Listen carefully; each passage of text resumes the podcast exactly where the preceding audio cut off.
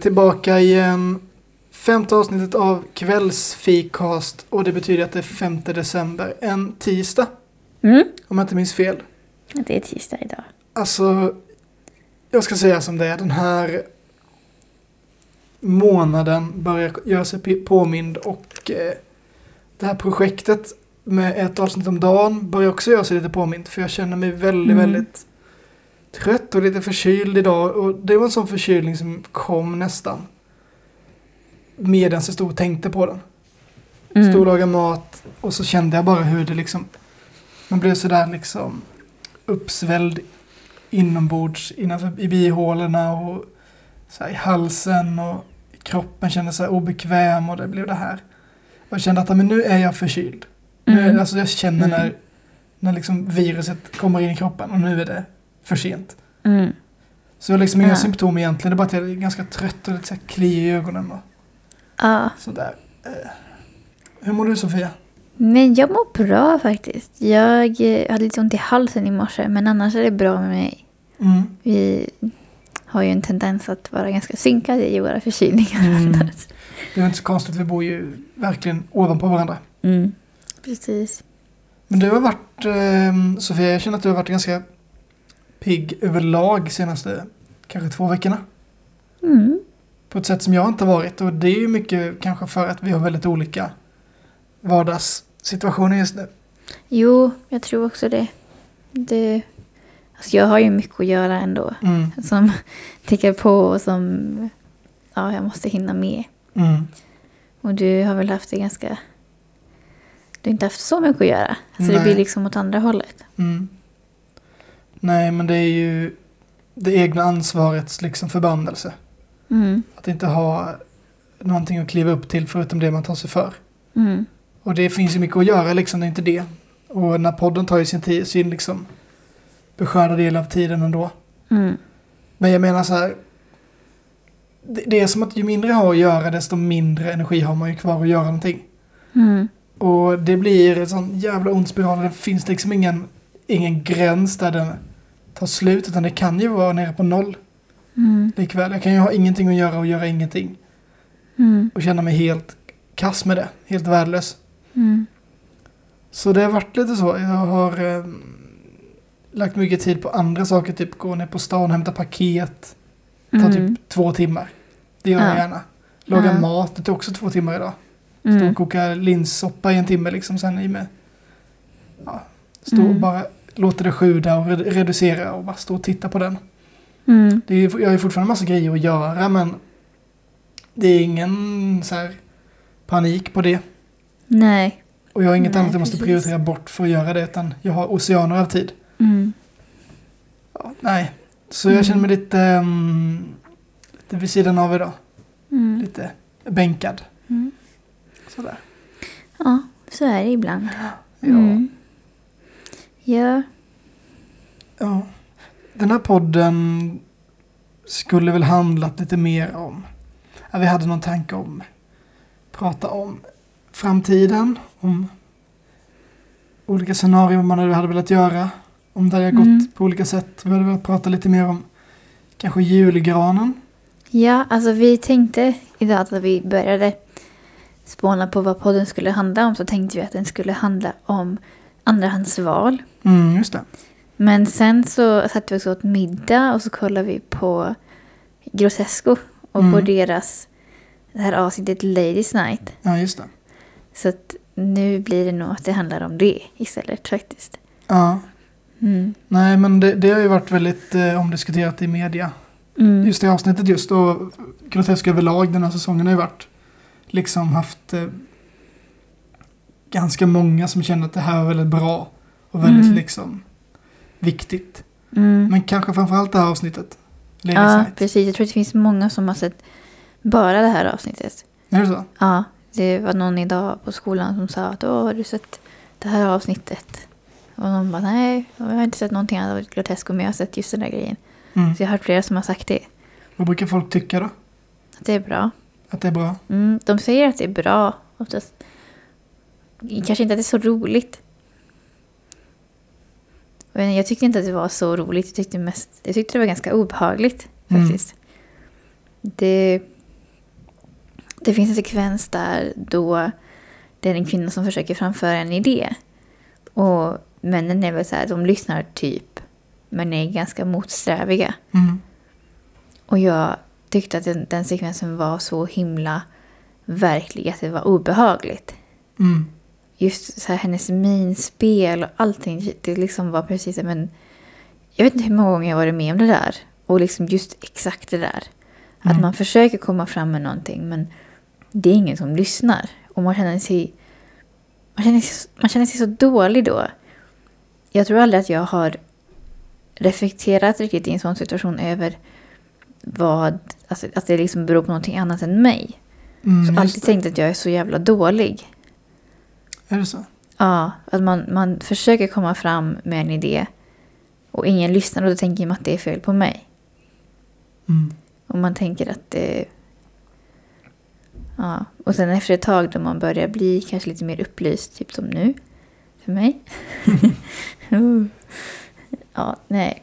Men då blir man verkligen så trött. Då man märker alla de här små sakerna som finns. Då blir man så trött och så arg och man blir så less på det bara. Att det är så... För det är så tydligt om man börjar leta efter det. Mm. Men det är liksom ingen som gör någonting åt det. Utan det och det är ingen som fattar. Om man skulle påtala det eller om man försöker... Om man försöker som kvinna att liksom ta över den platsen genom att höja rösten och så, då, alltså då kan det bli ganska... Det kan bli ganska hotfullt och det kan bli ganska, ganska arga röster. Att man behöver gå så jävla långt. För att de, männen är liksom inte vana av att ta över den platsen så de upplever det som väldigt obehagligt och som ett hot. Så det är... Ja. Men alltså i vilka situationer är det du kommer ihåg att det här har drabbat dig liksom så tydligt? För det, i sketchen handlar det om liksom manus, spån, möte liksom. Mm. Att man sitter och har idéer och sen så blir de bara bort jollrade till något annat liksom. De blir Mm. kidnappade de idéerna och så hamnar de någon helt annanstans än man tänkte sig. Mm. Det, jag tänker på ett sammanhang speciellt. Mm. Som är... Men det var ett, det är ett gammalt socialt sammanhang som jag inte, inte hänger i så mycket längre men som jag gjorde ganska mycket då jag var yngre. Mm. Ehm, och där så finns det liksom ja men, ett litet killgäng som är ganska... Som är väldigt tydliga och som, som tar mycket plats och som är väldigt, väldigt roliga. Och det har liksom även jag tyckt att de är så roliga liksom. Ehm, och sen var jag tillbaka i det sammanhanget för något år sedan och ehm, jag hade varit på en eh, flyguppvisning den dagen. Alltså med ett riktigt flygplan. Och det hade varit så jävla coolt. Det var ett plan som, ett sånt där litet flygplan. Typ ett Cessna-plan som propellerplan. Typ ett propellerplan. Mm. Det såg ut som det. Jag vet inte, jag kommer inte ihåg exakt vad det var. Men Nej. det var ett litet plan som åkte runt i luften. Obviously. Allt det här eh, kan vi nog visualisera. Mm. Ja, precis. Men den åkte rakt upp. Och sen så stängde den av motorerna. Mm. Så den liksom sakta så vände den och dök liksom rakt ner. Mm. Och sen så i sista sekund så bara så tog de, satte de på motorerna Ja, och så det är ju flög ut. hisnande ju. Det var he- alltså, så coolt liksom. Ja. Jag försökte ju berätta om det här. Vi, vi, satt- det var typ ett kalas och vi satt liksom, vi var ganska många, kanske typ så här tio stycken. Var det samma dag som du hade varit där? Ja, Ja. och jag ville liksom berätta om det här. Och jag försökte göra det och till slut lyckades jag berätta om det där. Och det var typ ingen som på något vis sa någonting eller kommenterade utan den här killen då Mm. bara tog över och började berätta någonting helt annat. Bara gick vidare. Ja. Så det jag sa fick liksom, det fick ingen vikt överhuvudtaget. Och jag kommer ihåg att det han berättade och gick vidare med var så jävla tråkigt. Att jag liksom verkligen tänkte på det och insåg att men vad fan är det här egentligen? Hur kan det jag har, hur kan liksom den här flygdykningsgrejen vara så liten i det här sammanhanget. Alltså, om man tittar på det han hade berättat och det jag hade berättat så var det verkligen så här, what the fuck? Alltså jag, jag tänker att den, de där tillfällena där man ser igenom det här man trodde var liksom löst och förutsättningslöst och i- schysst. Mm. De här sammanhangen som man har eh, skaffat sig med de vänner man har liksom och de människor som man tar till sig och tyr sig till. Mm. Då har man ju alltid en, föres- en föreställning om att man blir behandlad på ett sätt som är liksom rättvist och representa- representerar liksom ens prestation på något sätt. Om Mm. man är väldigt rolig så ska man ha väldigt mycket skratt och är man väldigt allvarlig så ska folk bemöta en allvarligt. Mm. Och man kan ju gå omkring i den eh, känslan ganska länge, den liksom förnekelsen på något sätt. Men så kommer de här tillfällena där man liksom märker att det handlar bara om hur den här maktförordningen liksom är satt, vilk- vilken rangordning som gäller i gruppen på något sätt. Mm. Och vem som hela tiden bestämmer hur vi pratar om saker. Ja, För det, precis. det känns som att det är en sån läxa som jag också minns. Att man fick lära sig lite. ja. Att de personer som man kände som så här skö- härliga individer, avslappnat gäng, man kunde lita på alla, alla kände alla liksom. Det var ingen som var outsider, alla var inne i gruppen. Då kunde man känna att här är vi alla lika liksom och om jag behöver ta plats så kommer jag få göra det. Men de här eh, strukturerna och liksom hierarkierna de kommer ju alltid smygande på något sätt. Och eh, forma gruppen och sen är ju liksom allting man är ganska fast där man är. Och det Jo. är sån maktlöshet. ja, precis. Och det är så här, det går ju som inte att göra någonting åt det i sammanhanget riktigt. Utan det är så här, ja, eh, vill jag ha det här eller vill jag inte ha det här? Mm. Det går liksom inte, för det är ett ganska gammalt sammanhang så Mm. det går liksom inte att ometablera. Nej, alltså man har aldrig liksom stått inför det valet liksom att nu gäller det att antingen påkalla det här, den här orättvisan Ja. eller bara leva med den här skiten nu resten av mitt liv liksom. mm. För nu är det så här det har blivit. Om vi ska ändra på detta så måste vi häva upp hela strukturen bakom det typ. Mm, precis. För det, det är liksom ingen som gör fel, det är bara att alla har gått med på att det är som det är liksom. Mm. Jag minns när jag var liten så hade jag en, eh, en barndomskompis som hette Linda. Mm. Eh, Vi gick i samma klass från ettan, alltså ettan, eh, eller från sex års typ, Ja. tills vi gick i nian. Mm. Så vi gick i samma klass i många, många år. Mm. Hon var verkligen skitrolig. Mm. Hon var så himla rolig i liksom grundskolan. Mm. Och alla tyckte hon var jättekul och det var ingen som, det var ingen som så här, tyckte att hon inte hade rätt att vara rolig. Nej. Men sen på något sätt så, ju äldre man blev så började de här grupperingarna dyka upp. Killarna började hänga för sig själva, tjejerna för sig själva och sen så fasas den här roligheten ut liksom. Mm. Som av, som av en osynlig hand Ja. så är det inte tjejer som är roliga längre. Nej. Utan de har liksom puttats åt sidan. Mm. Och ni, jag tror att både när du och jag var yngre så var det ju en, o, en helt osynlig process som ingen Mm. liksom så här påkallade riktigt. Nej. Utan det blev ju att killar är skojiga och stökiga och Mm. tjejer är vid sidan av och passiva. Mm. Även om det absolut inte var så för tre år sedan. Mm. Så här, Precis. det, är Nej, men- så, det, är så på, det är så tydligt. Mm. Jag kan verkligen känna det att, att jag typ hela mitt liv har känt någon f- så här, frustration över att jag kan inte vara rolig. Och jag har försökt och försökt och försökt och försökt och berätta skämt och hålla på men det är typ ingen som någonsin har skrattat. Och det är klart att får man liksom inte...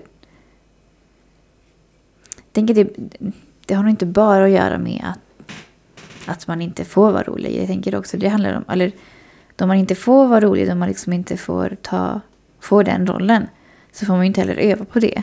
Så då blir man ju inte rolig. Till slut, då kan man, vet man inte hur man ska dra ett skämt. Mm. Så det, det känns som att det är en sån, eh, det verk- blir verkligen en sån så här skolning i att du har inte den roliga rollen. Mm. Det, det kommer jag verkligen ihåg så tydligt från... Jag kommer ihåg att alltså då vi, vi gick första klass så var det killar som brottades i klassrummet. Och det var så här, ja men de är bara killar, de gör bara det. Så jäkla sjukt! Mm. Alltså... Va? Vi hade brottningsturneringar ute på grusplanen. Där vi ritade en cirkel i liksom så här eh, kärl, kärlbruten grus, frostig grusplan. Ja. Och sen slängde varandra i marken på rasterna. Ja. Så fyra raster om dagen. Helt blåslagna hela, alla killar i skolan. Mm. Det var inte så många tjejer med på det. Vill jag minnas. Nej. Jag tror inte det var någon tjej som lyfte upp, upp en annan tjej över huvudet och sen knäckte över ett knä liksom. Som i en sån wrestlingfilm. Det är sjukt. Ja. Nej. Det, alltså det är verkligen så himla tydligt hur de här könsrollerna liksom bankas in sen man är li- från att man är liten. Mm.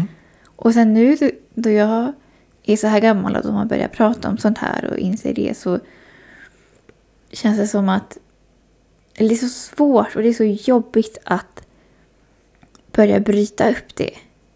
Mm. För dig? Ja, Vad är det, som- vad är det, som är det är jobbigt för dig? jobbigt känslomässigt. Mm. Det är jobbigt att inse att man också är en del av det. Och att man hela tiden liksom reproducerar de normerna också. Att man hela tiden på något vis liksom... Kanske inte hela tiden, men vissa grejer man gör som, är ganska, som kan vara ganska oreflekterade. Då man börjar reflektera över dem och inse vad fan är det jag håller på med. Mm. Det är jobbigt. Det är jobbigt att se Matrix alltså. Men men att se liksom de här koderna bakom. Det som man bara kan leva helt oreflekterat i liksom. Du menar inte Matrix-filmen? Nej, men jag menar Nej. liksom konceptet Matrix. ja. Att man råkar, att man ser liksom att allt man lever i liksom är en överlagd, eller på något sätt liksom det finns strukturer bakom. Att det är som det är, Mm. som hela tiden gör det sant. Mm. Att det, liksom, det är inget konstant. Det är inget som är av, av Gud eller naturen givet. Men varje sekund så bekräftar vi den... Att, att tjejer inte är roliga liksom. Mm. Att killar får brottas och kastas, kasta varandra i marken. Mm. All, allt det här. Allt det här Mm. är liksom så här. Samverkar. Mm. Att vi undermedvetet ska liksom... Eller, eller det- samverkar så att vi undermedvetet känner att det, ska, att det, det, är, o- det är omöjligt att ändra på. Mm. Ja, gud ja. Det, det är jobbigt att inse alla saker och det är jobbigt att... Det har jag verkligen känt nu, att de här små subtila grejerna som man vill ändra på och försöker ändra på tar emot att ändra på. Mm, Att jag har så mycket den här invanda grejen att det liksom är jobbigt, det tar emot och det går trögt att han ändrar på det. Mm. Men du har ju några sådana saker som du brukar ha som lite checklista Mm. mot dig själv för att sluta falla in i den mallen som du absolut inte vill vara i. Mm. Vill du dra några sådana grejer? Ja, ehm, jag brukar prata mycket om plats. Mm. Eh, fysisk plats som liksom också manifesterar den liksom sociala platsen, kan man väl säga. Ehm, om kroppsspråk en del. Att det var, vi hade någon workshop med ett företag som heter Utmana. Då vi fick men liksom göra typ, vi gjorde typ en sån här vanlig bolllek. Typ så här spökboll eller någonting. Och så fick vi pröva att ta olika roller och se Mm. hur det kändes. Och efter det så blev det liksom, jag insåg att den roll jag valde helst var liksom att krypa ihop i ett hörn typ. Och det kändes så konstigt och jag liksom försökte ta en annan roll. Och efter det så var det så här, men gud, ska jag... Är det det här jag vill göra? Liksom krypa ihop i ett hörn och bara sitta här och, och bara låta alla andra ta plats. Ja, just det. Och sen efter det så blev det, började jag väl reflektera mer kring hur jag gjorde och vad jag... Vilken plats jag tog och också över mitt kroppsspråk. I olika situationer. Och det... Det är verkligen att tänka efter vad man har för kroppsspråk. Att istället för att sätta sig med benen i kors och vara pytteliten så kanske man sätter sig och särar på benen lite grann. Det Det känns, det känns annorlunda.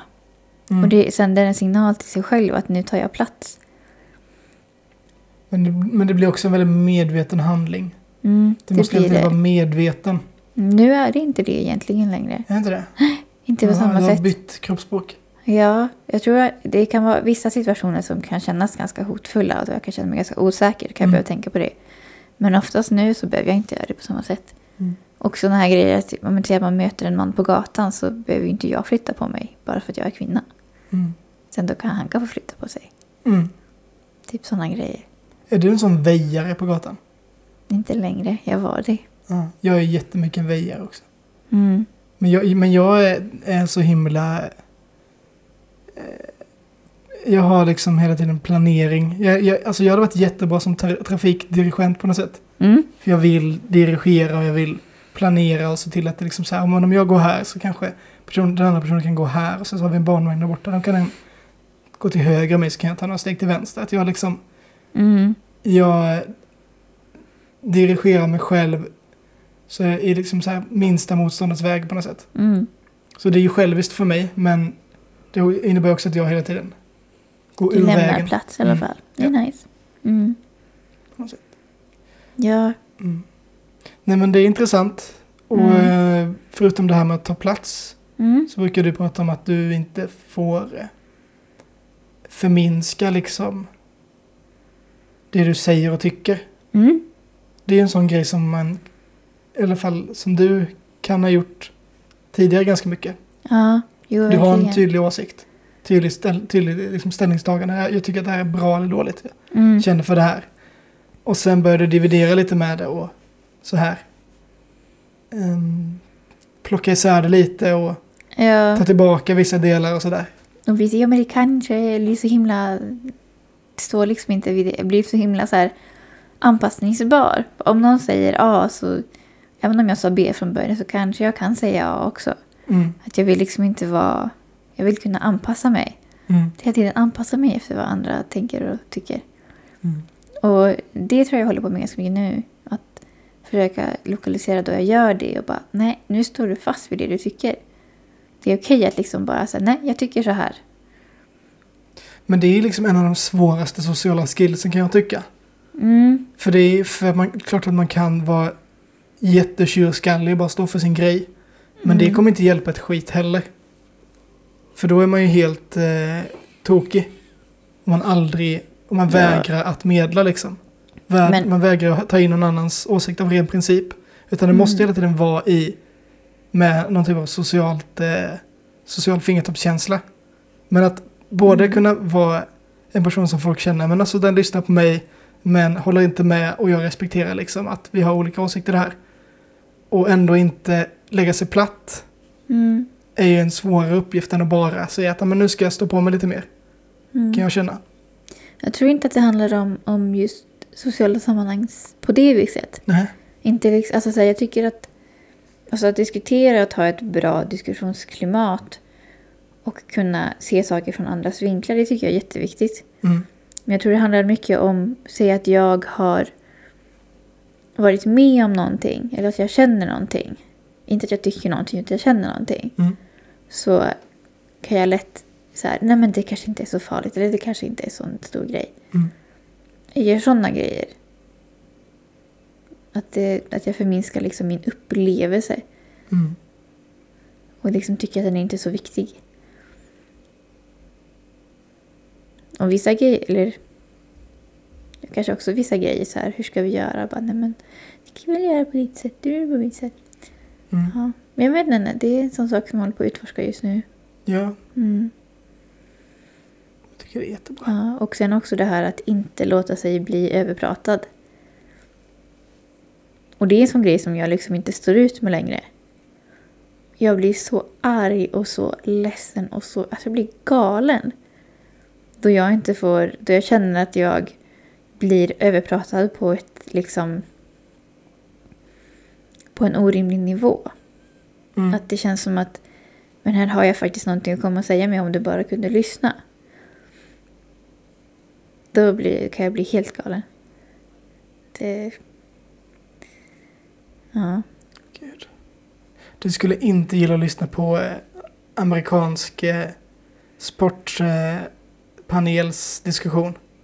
Så här i studio, för det är bara sådana jävla tjocka, muskliga gubbar i kostym som står och skriker över varandra. För att de älskar att höra lj- ljudet av sin egen röst när de pratar om mål och tacklingar och Mm. olika spel- spelarnamn. Det är, s- det är så, det är en parodi liksom Mm. av det, av det idealet. Där de bara liksom så här, de bara trissar upp den stämningen till max liksom. Det finns Mm. ingen ände. Mm. Det är Mm. helt sjukt. Ja. Och kungen av dem är Don Cherry, en gammal eh, hockeytränare som nu typ är 75 bast. Står i färgglada kostymer. Och han, han är, jag vet inte om han är döv eller vad det är, för han står och liksom vrålar vid- för- i full hals.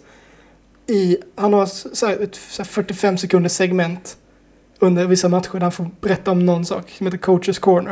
Där Han bara vrålar rakt ut om olika saker och det är liksom, han är som en sån tokig gubbe liksom. Och Mm. han är typ en av de mest respekterade sportjournalisterna i, i Kanada. Mm. Han är helt tokig, han är helt vansinnig. Och he, Mm. har världens sämsta tilltal, är så respektlös och bara så självupptagen och i- bara hittar på egna så här helt sjuka grejer liksom. Mm. Och det är bara så här, ah, mys. Det är som att Arne Weise skulle sitta och vråla liksom i- på Kalle Ankas jul. Och vi bara, men det här känns ju superrimligt. Det är så ocharmigt. Ja. Men, ja, Ja. vi, Nej. vi, vi ska inte prata för länge om detta. Vi ska ha lite te också. Det ska vi ha. Jag vill bara säga en sak till. Mm. Eh, att det här vi, vi pratar om nu är ju inte, det, det är ju till, må- på många sätt exakt det den pratar om i Grotesco. Det är ju liksom ett tecken av samma sak. Mm. Men det som är så svårt med humor kan jag tänka, Mm. som gör det så svårt för, för samhället att kanske så här släppa in kvinnor och släppa in ett annat sätt att jobba på är Mm. att humor och dess kvalitet avgörs i stunden av den som lyssnar liksom. Man Mm. tycker vissa saker är roliga och man tycker vissa saker är tråkiga. Och är det inte roligt då är det, förtjänar det liksom inte en chans liksom. Mm.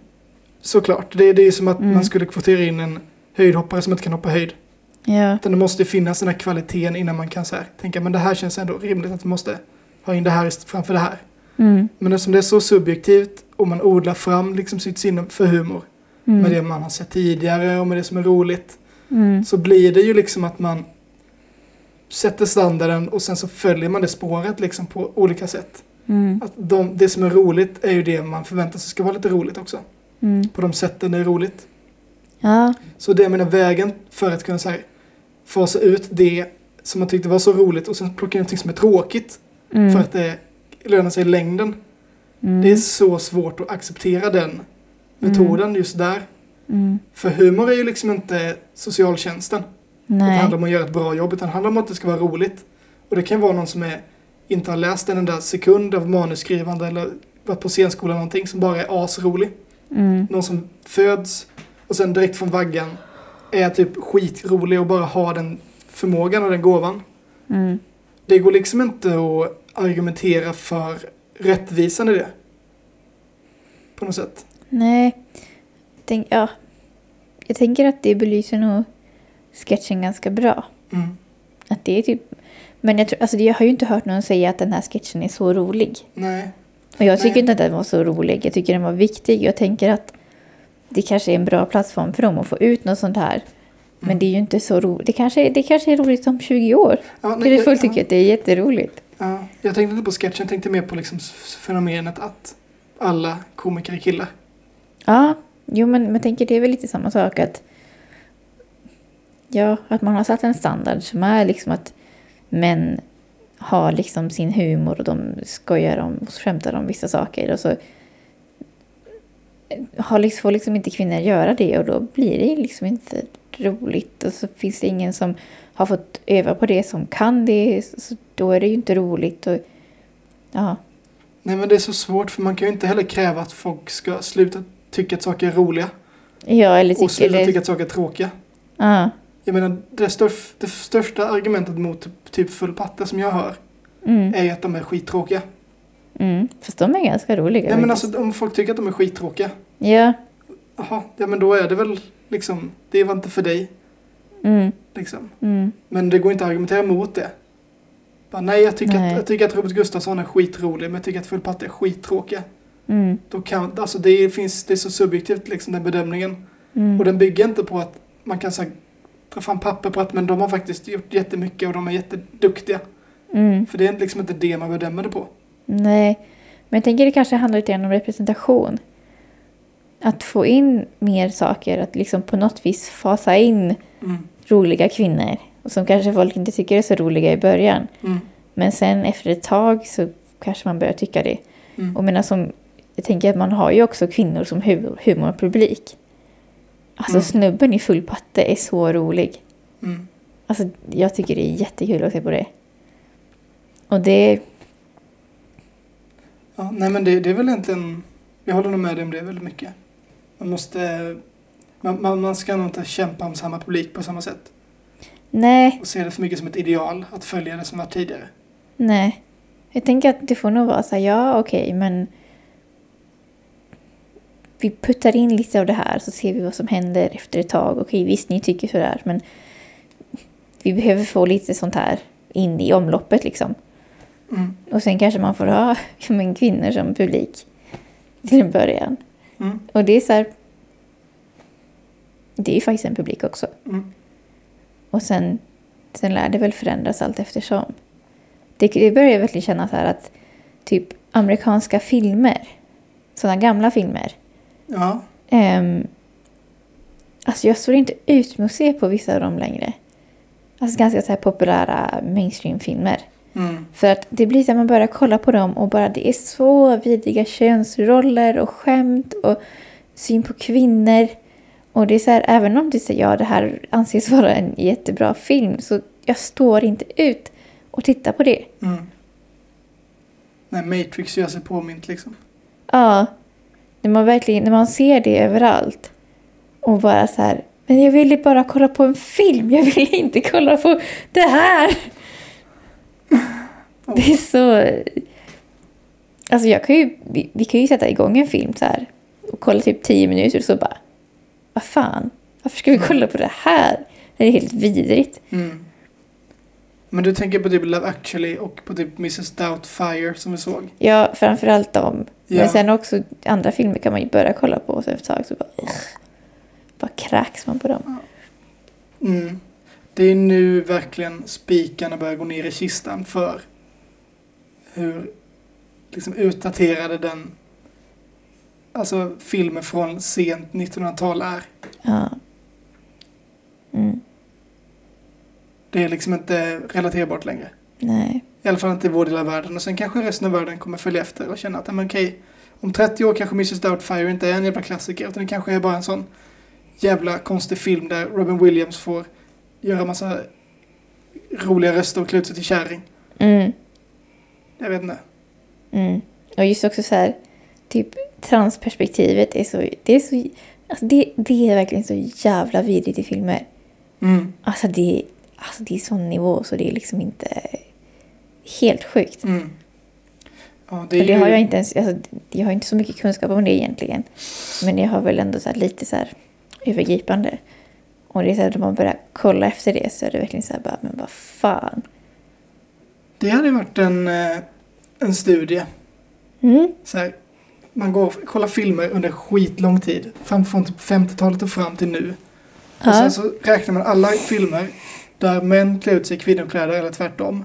Och sen så kategoriserar man dem i vad är det som gestaltas. Jag tror att ungefär 90% kommer vara man klär ut sig till kvinna för att typ vara utklädd.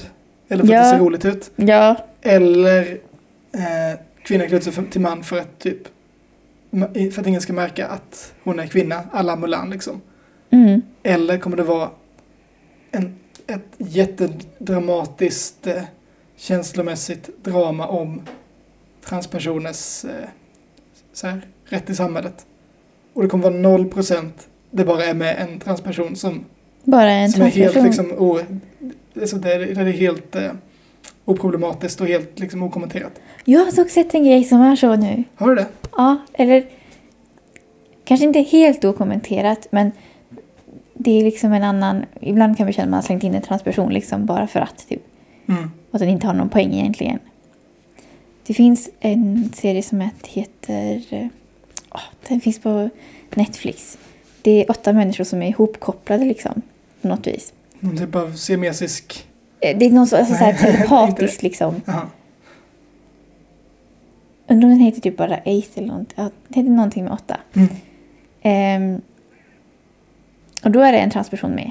Som, Som bara är. ja, och sen är det väl kanske så här, dens problematik visas lite grann. Den besöker någon person från sitt förflutna som blir så här, oh what the fuck happened? Bara, Mm. Men det är lite mer så, ja men okej. Det är inte det som är huvud, det är liksom inte dens huvudstory. Nej, Det är mer, det, det, är inte, det är inte den personens eh, syfte i filmen. nej. Att belysa transpersoners Mm, svårigheter. Nej, Nej. utan det är liksom en hacker och en, alla är ju som del av det här kollektivet och alla har olika eh, förmågor som gör att de kom- bidrar med någonting väldigt bra. Ja. Det är faktiskt en jätteintressant vinkel. Mm. Så alla ni där ute som letar efter någonting att göra en studie på, en kvantitativ studie i filmvärderingar, eh, värderingar. Mm. så har ni någonting där? Det Nu var dina knäckte jag mina tankar. tår. Okej, nu, nu har vi pratat ganska länge. Det är dags Mm. för lite te. Ja. Det gör allting bättre.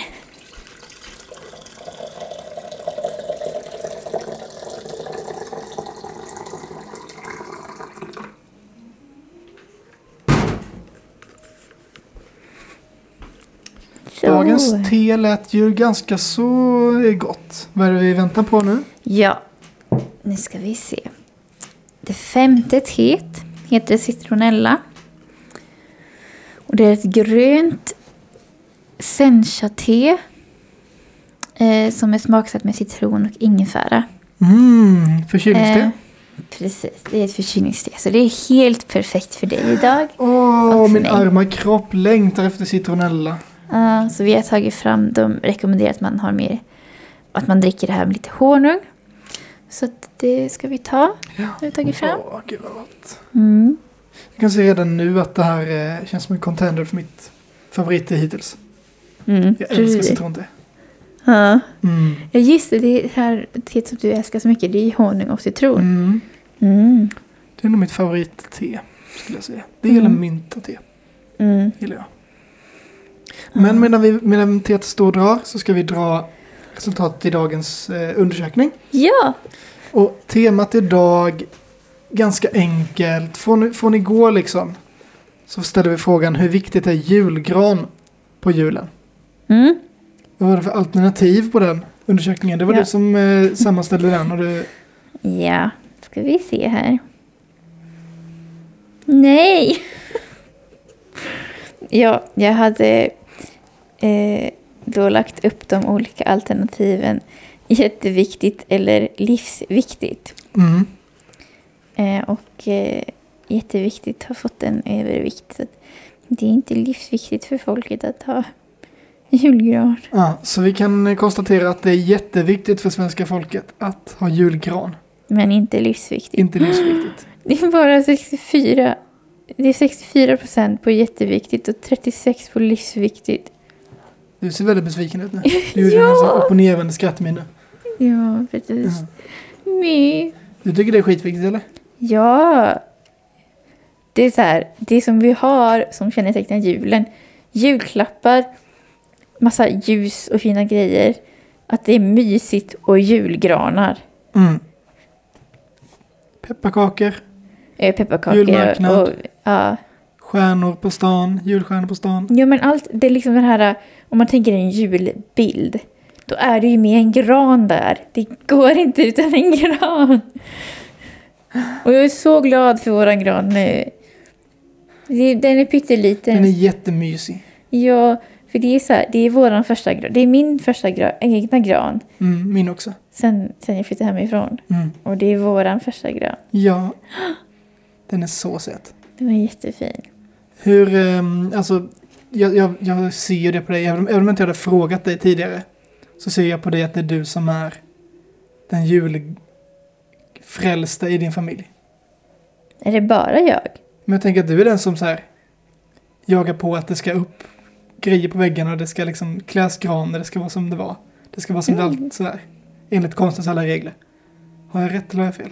Jag vet inte. Alltså, det pratade vi om häromdagen, eller Mm. tror jag. För, att, ehm, för jag tycker om att ha det väldigt lika som det har varit. Mm. Och det har, det har, vi insåg att det bottnar lite grann i att det har varit väldigt likt hemma hos mig där jag har vuxit upp. Mm. Att vi har haft ganska tydliga traditioner. Men det tror jag mest är mamma som har sett till att det har blivit samma. Och jag tror inte att det var någonting som jag bad om då jag var liten. Det hade det varit väldigt intressant att fråga mamma om. Mm. Just det. Mm. Får vi spara den Mm. frågan?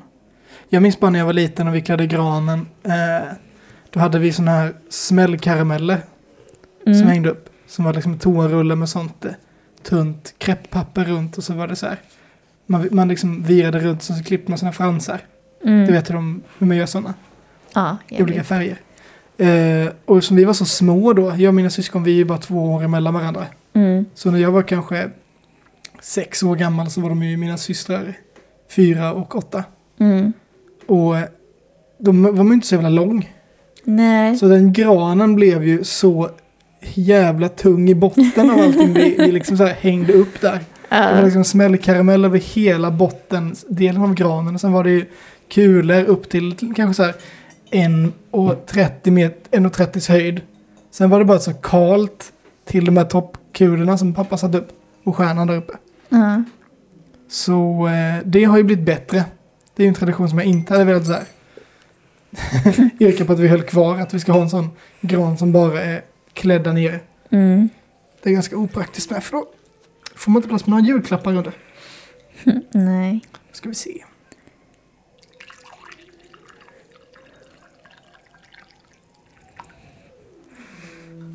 Han kanske vill ha en liten sked. Supergärna.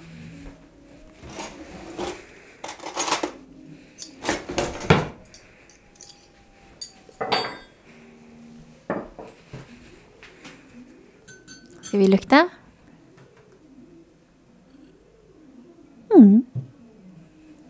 Luktar ganska milt.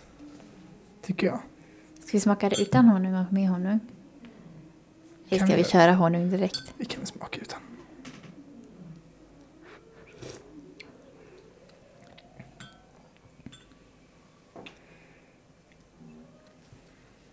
Du nickar mot mig, jag känner liksom ingen smak. Nej, jag tror inte att du känner så mycket smak idag. Men du känner smak, då får du berätta hur det smakar. Gud, jag vet inte om jag vi gjorde rätt här. Kanske var lite för kallt vatten. I don't know. Jag lägger tillbaka den.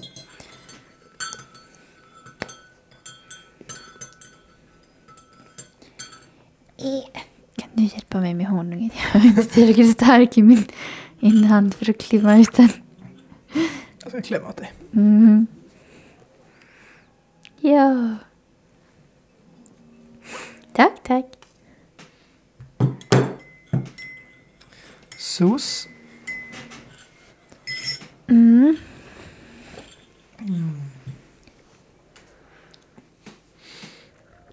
Jag tror den silen ska dra ett tag till. Mm. Innan vi kan göra något avgörande. För det här var liksom... Det var också som att någon hade sköljt en... Vad gör du? Vad gör du nu? Vad gjorde du nu för någonting? Har du spottat te på...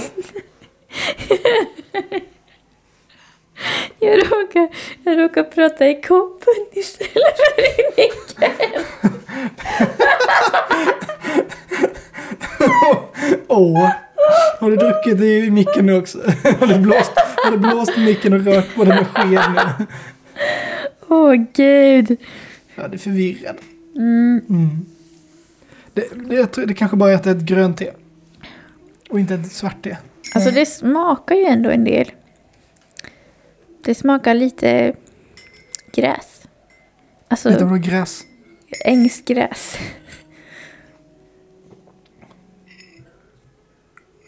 Mm. Ja, vi kan väl... ehm, vi kan väl hålla lite på det för jag har en liten sak till att berätta. Jaså? Ett till ämne som inte du känner till. What? Nu ser du väldigt fundersam ut. Ja. Mm. Nej men så här, vi, vi har ju... Eh, vi har ju bestämt oss för att när vi köper julklappar till varandra i år så har vi en, ett, ett, ett pristak på 500 kronor, eh, alltså 500 spänn Mm, att- att lägga på julklapp. Mm. Och det kan vara ganska begränsande mm, kan jag känna, för man vet liksom inte vad, vad ska man då köpa, vad är det, vad är det bästa jag kan köpa för 500 kronor? Ehm, jag kunde liksom inte fixa det riktigt, men jag kom på att det finns ju ett kryphål. jaha. Att om det bara råkar f- dyka upp en present som är orelaterad till julen, som jag vill ge till dig, så kanske det inte räknas som en julklapp. Så jag tycker att nu ska du få gå på skattjakt. What the fuck? Ska du få hitta en julklapp, eller en, en, en, en, en helt orelaterad relaterad present, som är gömd här i den här lägenheten någonstans. What? Och för att göra det så frågar jag, så får du fråga om det är fågel, fisk eller mittemellan. Åh! Gud. Vad glad du blev. Mm, Okej. Okej, nu får du faktiskt vara redo att Mm. leta.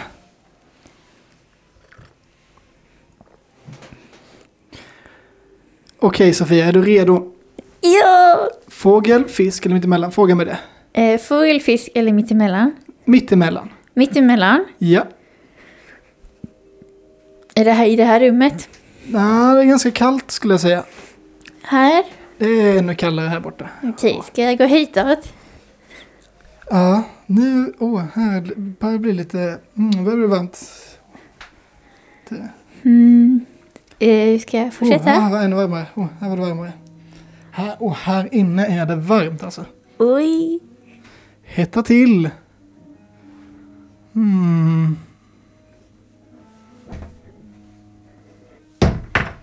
Mm.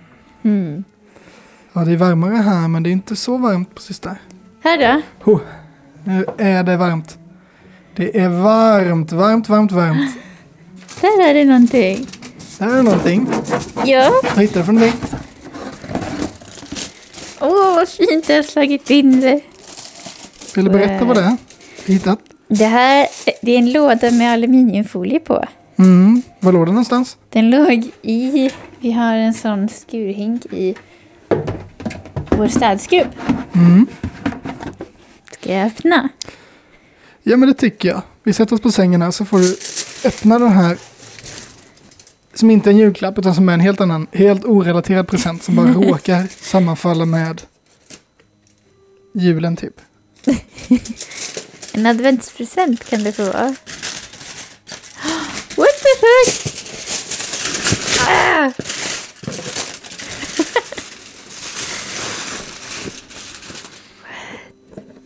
De är glittriga också. Åh, Vill du berätta vad det är när du plockade upp? ett par eh, Birkenstock inneskor. Sådana, sådana, Alltså, jag kollade på dem hela hösten och bara, jag kanske borde köpa det. Så bara, nej det är för dyrt. det här är ju en eh, väldigt eh, disco, discomodell. Ja. Eller det, det är ju samma modell, det är den här klassiska som alla, alla förskollärare alls, alltid haft sedan urminnes tider. Men de är inte sådär bruna och i en sånt läder, utan det här är ju, de är silvriga, silverglittriga. Så, Så nu kan jag bli en riktigt nördig lärare. ja, Tycker det passar bra ihop med mina nya glasögon.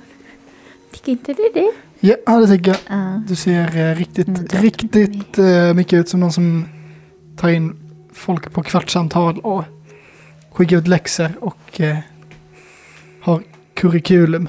Mm. Mm. Varsågod. Okej. Ska vi eh, gå tillbaka till teet eller ska vi bara säga att podden är över för dagen? Tycker podden är över för idag. Ja. Vi ger våra betyg imorgon. Ja, vi sparar på det. Tack för att ni lyssnade. Mm. Så hörs vi eh, imorgon igen med ett nytt avsnitt av Kvällsfikast. Yes. Följ oss på Instagram. Ja, jag heter Daniel. Hittar ni massa skojiga saker. Och jag heter Sofia. Ja. Mm. Hej då. Hej då.